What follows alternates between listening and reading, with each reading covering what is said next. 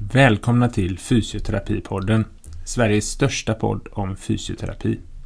Jag heter Viktor och jag har den här podden tillsammans med min vän och kollega Kalle. Vi är väldigt glada att vara igång nu igen med inspelningarna efter sommaren. Eh, hur har din sommar varit, Kalle? Det har varit väldigt bra. Det är skönt att vara, vara lite ledig. Men det är också kul att vara tillbaka på jobbet igen och träffa patienter. Du då, Viktor? Jo då, jag har varit tillbaka i två veckor nu ungefär. Så det känns ju som att eh, man aldrig har varit borta nästan. Men det har också varit nej, roligt att komma tillbaka och trevligt att träffa kollegor och sådär. Så att det känns ganska bra just nu. Och kaffet smakar likadant efter sommaren också? Ja, det... Nej, det var faktiskt värre än vad jag kommer ihåg. det ska vara ärlig. Det ska vara ärlig. Men eh, man vänjer sig. Magsåret börjar så sakteliga ta form igen. Eh, vi vill tacka alla som lyssnar och eh, alla som har mejlat och tagit kontakt med oss via sociala medier. Det är jätteroligt eh, att höra, höra från er. Eh, vi har också fått lite frågor om det här med att vi är Sveriges största podd om fysioterapi. Och vi har gjort lite efterforskningar och hittat att vi har 250 lyssningar per avsnitt mer än någon annan podd om fysioterapi här i Sverige. För att fira detta så tänkte jag att vi ska öppna en Dugges Ginger Imperial Sour. Eh, och att vi valde att fira med just den är också lite... Vi tänkte att vi... Ja, vi får se. Idag kanske vi blir lite, lite sura. I så fall kan vi alltid skylla på ölen, Sur, tänker vi. På surölen. Och det, det, varning för rant idag. Och om ni inte orkar höra på det så do not listen on any further. Precis. Ni har blivit varnade. Skål Kalle. Skål Viktor. Dagens avsnitt kommer handla om namnbytet. Nämligen namnbytet från eh, sjukgymnast till fysioterapeut. Eh, när vi började planera för den här podden för det är nästan ett år sedan nu så listade vi massa med tänkbara ämnen för podden. Det är en ganska lång lista som vi fortfarande håller på att beta av men ganska högt upp på den så stod namnbytet. Eh, så det har liksom legat lite i pipelinen och härom, ja vad är det? Det måste vara två veckor när jag kom tillbaka från semestern. Så hade det gått ut på jobbet ett erbjudande till de som fortfarande var eh, sjukgymnaster att de skulle få betalt bytet till fysioterapeuter. Eh, med anledningen att Göteborgs stad från årsskiftet inte längre ska anställa eh, sjukgymnaster utan bara anställa fysioterapeuter. Eh, jag blev lite förvånad när jag såg detta och tänkte att det var trevligt att de betalar för dem de som inte har bytt. med. konstigt att facket har gått med på, på att det bara ska få vara fysioterapeuter anställda i Göteborg. För jag, jag tog ju för givet att det här har ju körts i de byråkratiska kvarnarna, i CSG och LSG och allt vad det heter. Men jag tänkte, ja, jag får kolla upp också, så jag gick in på Platsbanken och kollade och hittade en, en annons här i eh, ja, någon, eh, någon stadsdel i Göteborgs stad. Och där stod det mycket riktigt att eh, vi vill bara anställa fysioterapeuter och om därför om du är sjukgymnast så får du vara beredd på att byta för att kunna ta anställning hos oss. Jag tänkte, ja, de har börjat redan nu sådär. Så vi drog iväg ett mail också för att kolla med inför podden här med facket om de hade någon kommentar eller så kring det. Men då sa de att så fort det kom till deras kännedom så togs det bort. Så att det var väl bra att de satte ner foten här lite så de inte skulle diskriminera hälften av alla tillgängliga låsa ut hälften av alla tillgängliga sjukgymnaster snedstreck fysioterapeuter från att kunna ta jobb i Göteborgs stad. Satte ner foten eller svingade den stora yxan kanske. Eh, jo, vi ska, innan vi går in lite mer på själva namnbytet så eh, pratade vi förra avsnittet med Fredrik Nordin som har drivit igång debatten om pseudovetenskaplig trams inom professionen. Och han har fått en hel del svar på detta. Eh, och den som vi tyckte var nästan mest intressant var den som kom från OMT-sektionen. Uppbackad av eh, en, professor bland annat på, eh, inom OMT. Det de skrev var att ingen behandling är bättre än den sammanhang. Och vi tyckte att den här artikeln lämnade det var intressant att läsa men lämnade en del övrigt, en del frågetecken som vi skulle vilja reda ut. Så vi, vi tog chansen att bjuda in så att säga den andra sidan också i debatten. Ehm, tyvärr vill ingen av dem ställa upp på detta. Vilket vi tycker är väldigt tråkigt för det var några, speciella, några särskilda saker vi tyckte var väldigt spännande att diskutera. Till exempel om man pratar om evidensbaserad medicin att det står på tre ben. Dels då eh, tillgänglig evidens beprövad erfarenhet och patientens förväntningar eller preferenser. Och att de här på något sätt skulle vara likställda med varandra. Det tror jag är en missuppfattning och många med mig. Eh, att det här med här tre är inte likställda. Utan att som jag ser det så är visst patientens förväntningar eh, är en sak men de är inte till för att mötas utan de är till för att hanteras. Eh, beprövad erfarenhet kan man såklart använda sig av i brist på om det inte finns någon evidens alls kanske. Men den vetenskapliga evidensen måste alltid komma först, tror jag, om vi ska kunna eh, föra yrket framåt. Jag ser det mycket som att vi får in evidens, kunskap från evidensen. Vi använder vår beprövad erfarenhet för att applicera evidensen på patienten. Och också för att få patienten att förstå att det är det här de behöver. Kanske inte alltid de förväntar sig att få. De pratade även lite om någonting som heter en patientens individuella funktionsdiagnos. Och det hade varit väldigt intressant att höra mer, lite mer fördjupat bara vad det, vad det innebär. För jag vet inte hur det är Victor, men jag, jag förstår inte riktigt vad det betyder ärligt talat. Nej, jag, jag, kan nog inte hjälpa dig där. Så jag hade också gärna velat få svar på, ja, på både det och som du säger det här diskussionen kring de tre, tre evidensbenen om man så säger hade varit väldigt eh, intressant att fundera lite kring. Eh, jag tänkte också på ett eh, i ett eh, kapitel eller ett stycke där skriver man att det, det är magstarkt av Fredrik Nordin att föreslå att man ska ta bort eh, verktyg ur, ur vår liksom behandlings och undersökningsväska om man säger så. Till exempel i det här med undersökning av kolumnerna. Eh, och, och, som exempel där sa de att det är väl många av oss som rutinmässigt undersöker eh, passiv ledrörlighet i knä eller höft när en patient har de besvären. Och argumentet att det är magstarkt att ta bort det och hävda att för att vi rutinmässigt gör det det håller ju inte så bra. Utan jag skulle vilja gå in lite liksom rent konkret där. Var, varför ska vi inte ta bort det? För jag tror att man det är lätt att samla på sig saker man gör bara för att man alltid har gjort det. Och det är en, det är en väldigt trygg och bekväm stig men farlig i slutändan om man följer den. Utan vi måste kunna vi måste kunna bevisa det bättre än det gör väl alla rutinmässigt. Eh, det hade jag velat fråga och prata lite om. För jag, jag tror nog att de har ett bra svar på det. Ett mycket bättre än, än att man gör det rutinmässigt som stod i, i artikeln. Och det, det hade jag gärna velat eh, få höra. Mm. Men tyvärr så ville varken OMT-ordföranden Eh, eller eh, någon professor ställer upp på det här den här gången. De, kan, de är välkomna tillbaka när som helst. Det är bara, bara att höra av sig. Så tillbaka till eh, namnbytet då. Det här är någonting som riksdagen beslutar om. Den 1 januari 2014 trädde det i kraft. Efter ett riksdagsbeslut tydligen bara i december 2013. Så det var snabba puckar där alltså. Där alla som var sjukgymnaster skulle, kunde få möjlighet att byta namn till fysioterapeut istället. Och de som blev nyutbildade efter det här datumet, ja de blev bara fysioterapeuter och fick inte möjlighet att kalla sig för sjukgymnast. Man kunde bara byta från sjukgymnast till fysioterapeut, inte andra hållet. Nej, precis. Nu då, eh, vi, senaste datan vi hittade var från 1 januari 2019. Och då fanns det enligt Socialstyrelsen nästan 16 000 anställda. Nej, inte anställda. Legitimerade sjukgymnaster eller fysioterapeuter i Sverige. Eh, av dessa nästan 16 000 så hade den 1 januari 2019 7030 legitimation som fysioterapeut. Av dessa 7030 så hade 3959 bytt titel.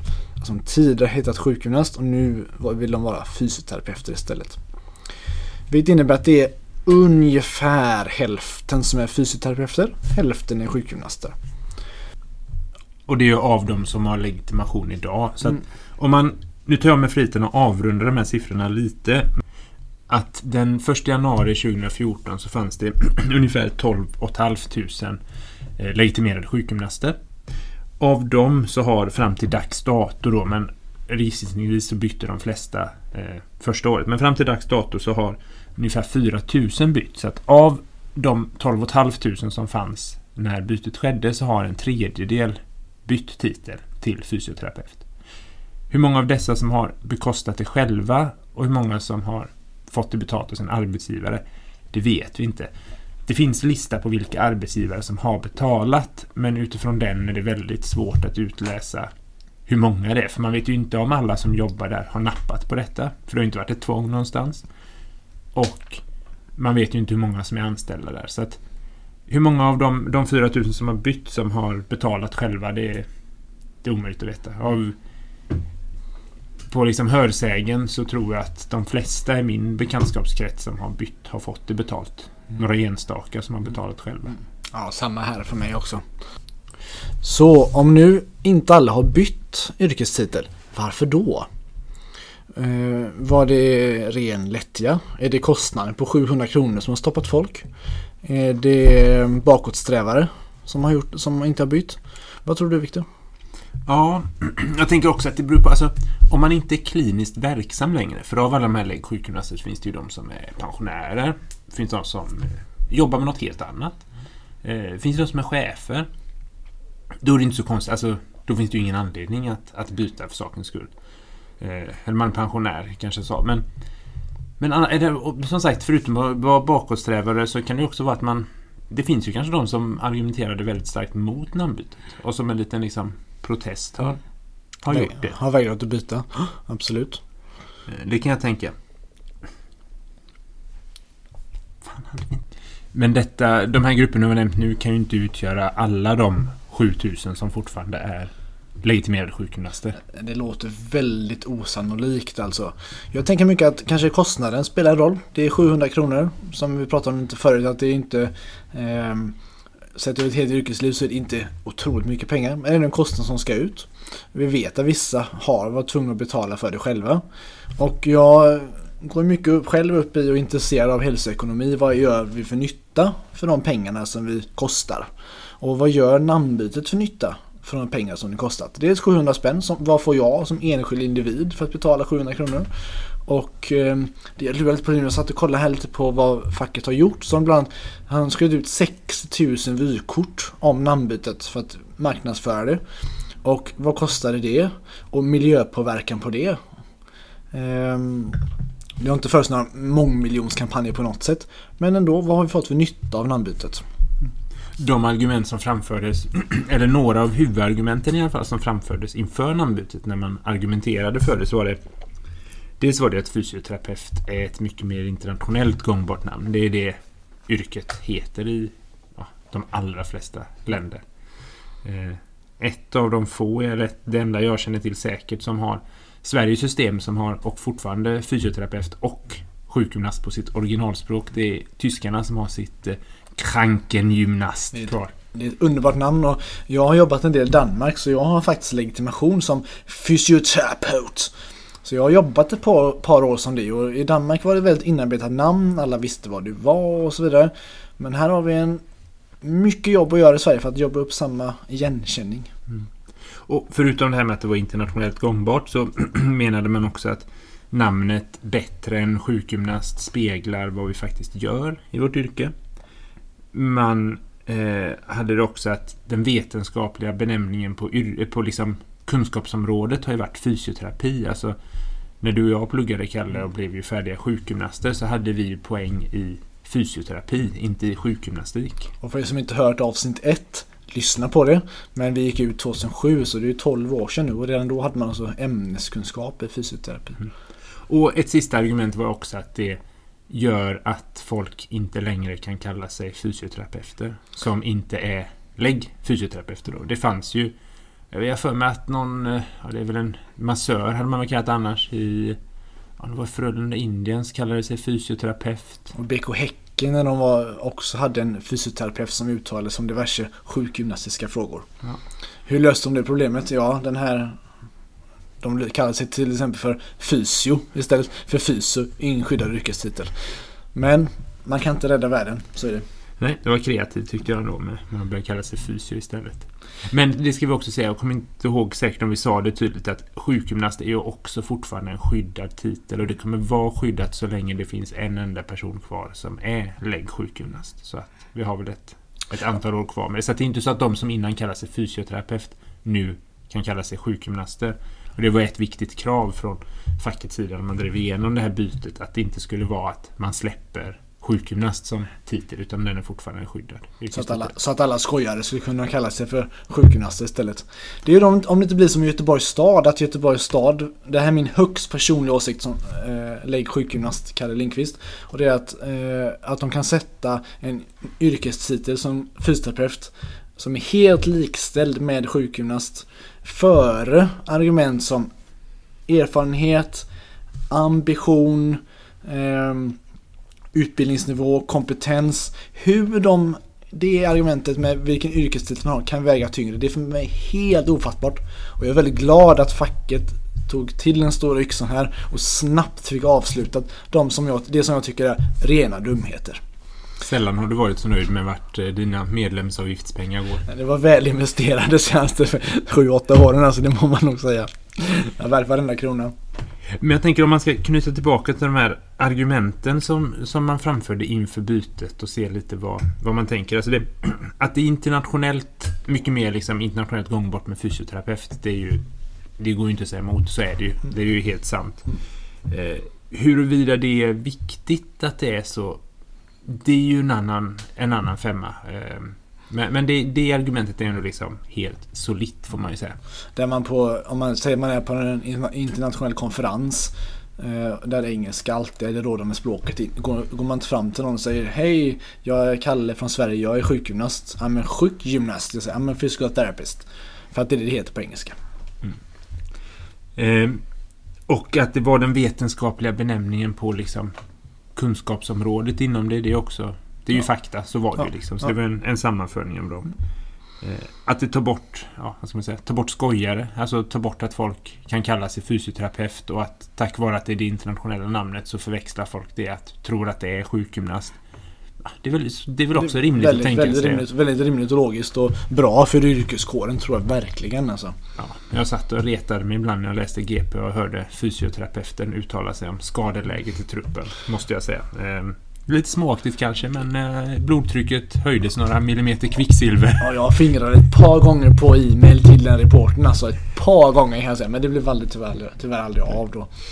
Däremot det här argumentet att, att fysioterapeuter på ett bättre sätt speglar vad vi gör. Det tycker jag är lite mer tveksamt beroende på vilket område man är jag, jag själv har jobbat i stort sett hela mitt yrkesliv inom, alltså med geriatriska patienter. Och där Alltså, och på sjukhus numera på, i kommunen men på ett korttidsboende huvudsakligen. Det är svårt att bättre beskriva vad jag gör än sjukgymnastik. Jag, jag, håll, jag instruerar i gymnastiska övningar för sjuka personer. Eh, så är det. Liksom, det är bättre beskrivning än så finns inte. Den är väldigt lätt. Och I den patientkategorin så är ju fortfarande sjukgymnast allena rådande som... Alltså när man presenterar sig som fysioterapeut där så är det ju nio gånger av tio. Vad är det? Ja, det är precis som sjukgymnast. Det är bara ett nytt ord för det. Men varför har ni bytt då? Nu kan jag i och för sig bara säga, lyssna på Fysioterapipodden avsnitt 5. Här har du länken. Men, eh, nej, det är liksom, man fastnar i loopen så det är lättare att bara säga sjukgymnast direkt från början. Eh, men det är klart, primärvården. Jag vet inte du som har varit med i den världen, Kalle, vad tänker du om hur det speglar vad vi gör? Jag har jobbat med primärvårdspatienter sedan 08.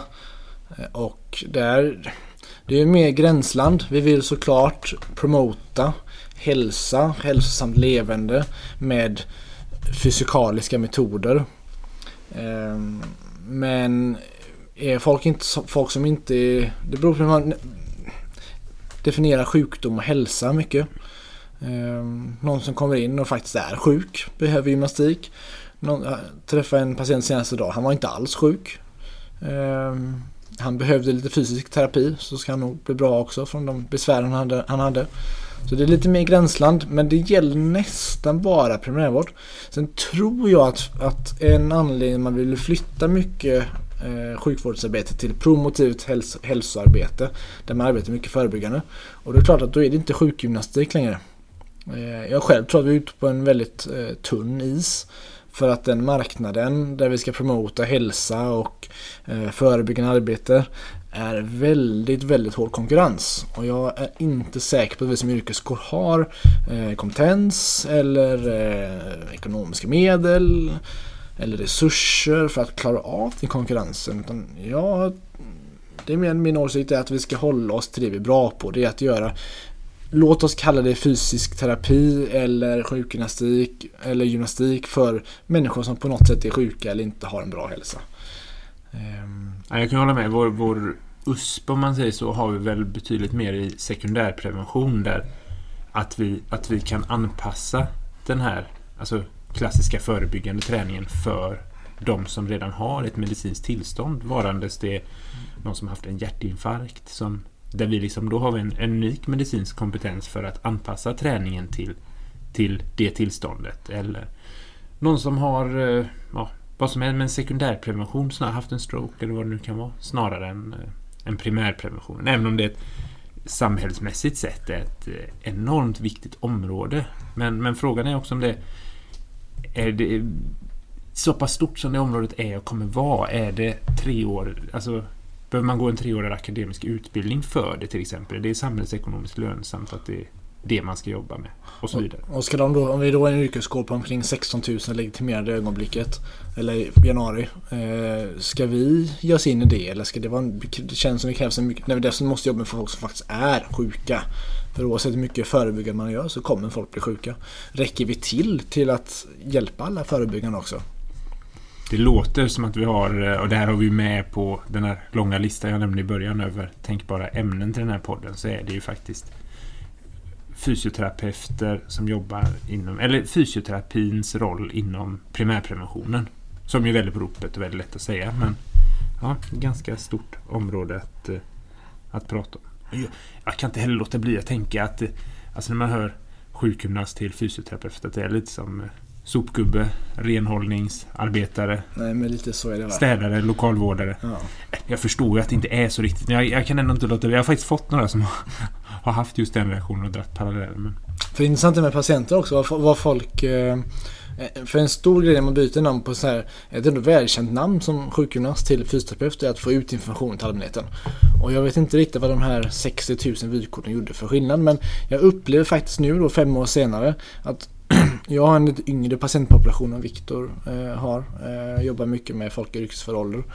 Och där är det väldigt många som faktiskt frågar om namnbytet.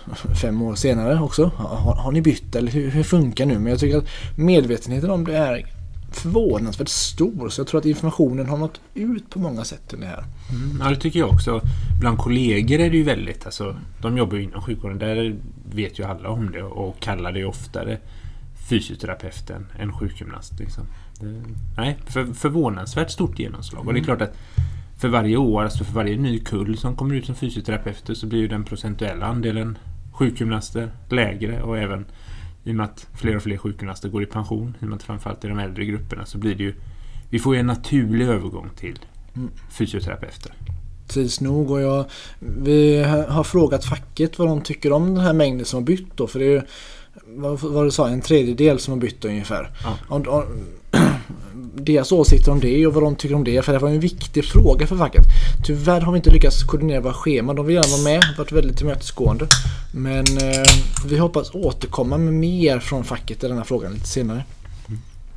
Men jag tänker så här, vad, vad vi tänker lite mer om Jag är ju fysioterapeut. Eh, jag gick över precis innan jag slutade på Kungens sjukhus så blev vi erbjudna att Det var en lång process. Det var flera gånger som vår chef då vände sig till klinikchefen och ville ha pengar för att få byta. Men det var stenhårt nej liksom. Men, men till sist så, så gick de med på det. Då, då passade jag på att byta precis innan. Ehm, egentligen, ska jag vara helt ärlig, så är det inte en jättestor fråga för mig. Jag kan tycka att det, det är ju smidigare om alla heter samma sak. Och det är lite synd om de nya som inte har fått välja.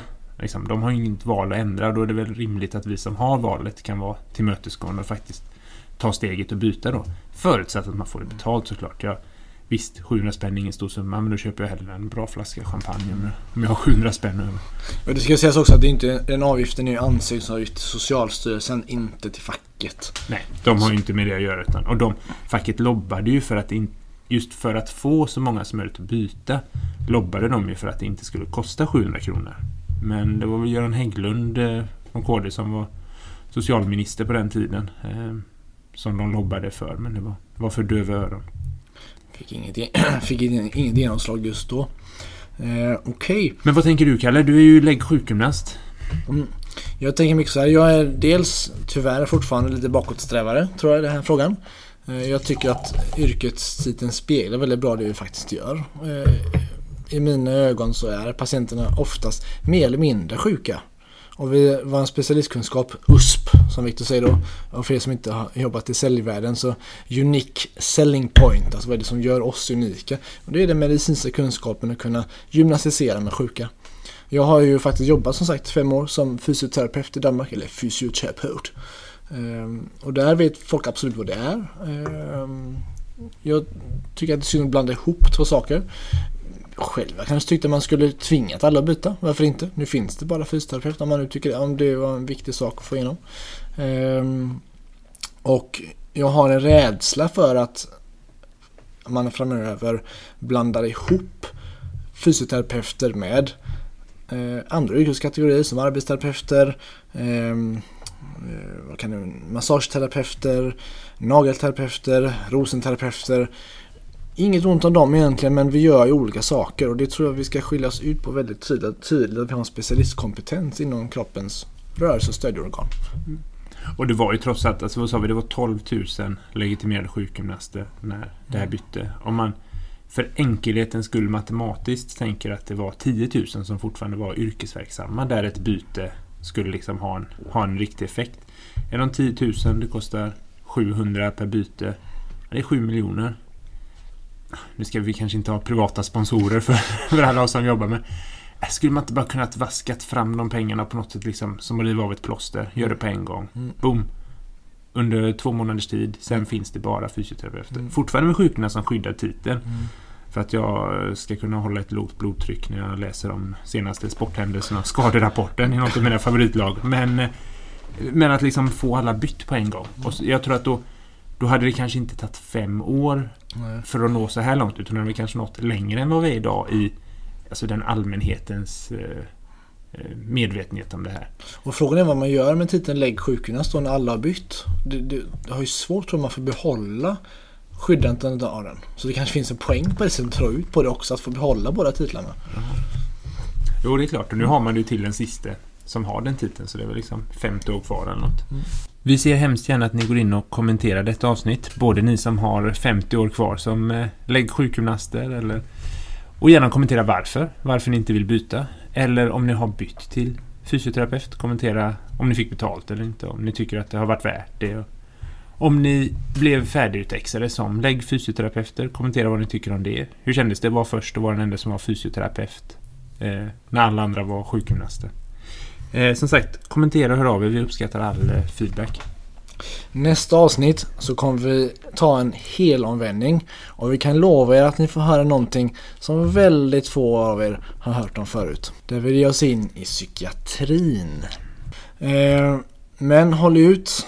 Det är ungefär en månad kvar tills nästa avsnitt kommer såklart. Och nu är det dags för mig, lägg sjukgymnast Kalle Lindqvist, Och mig, lägg fysioterapeut Viktor Kjeltén. Att ta hissen ner från tredje våningen och så ska vi bege oss ut på en liten AV. Skål kollegor! Kom ihåg att likea oss på Facebook, Instagram och Soundcloud. Vi finns där poddar finns, till exempel iTunes, Acast och så vidare. Ha det bra tills vi ses igen. Hej!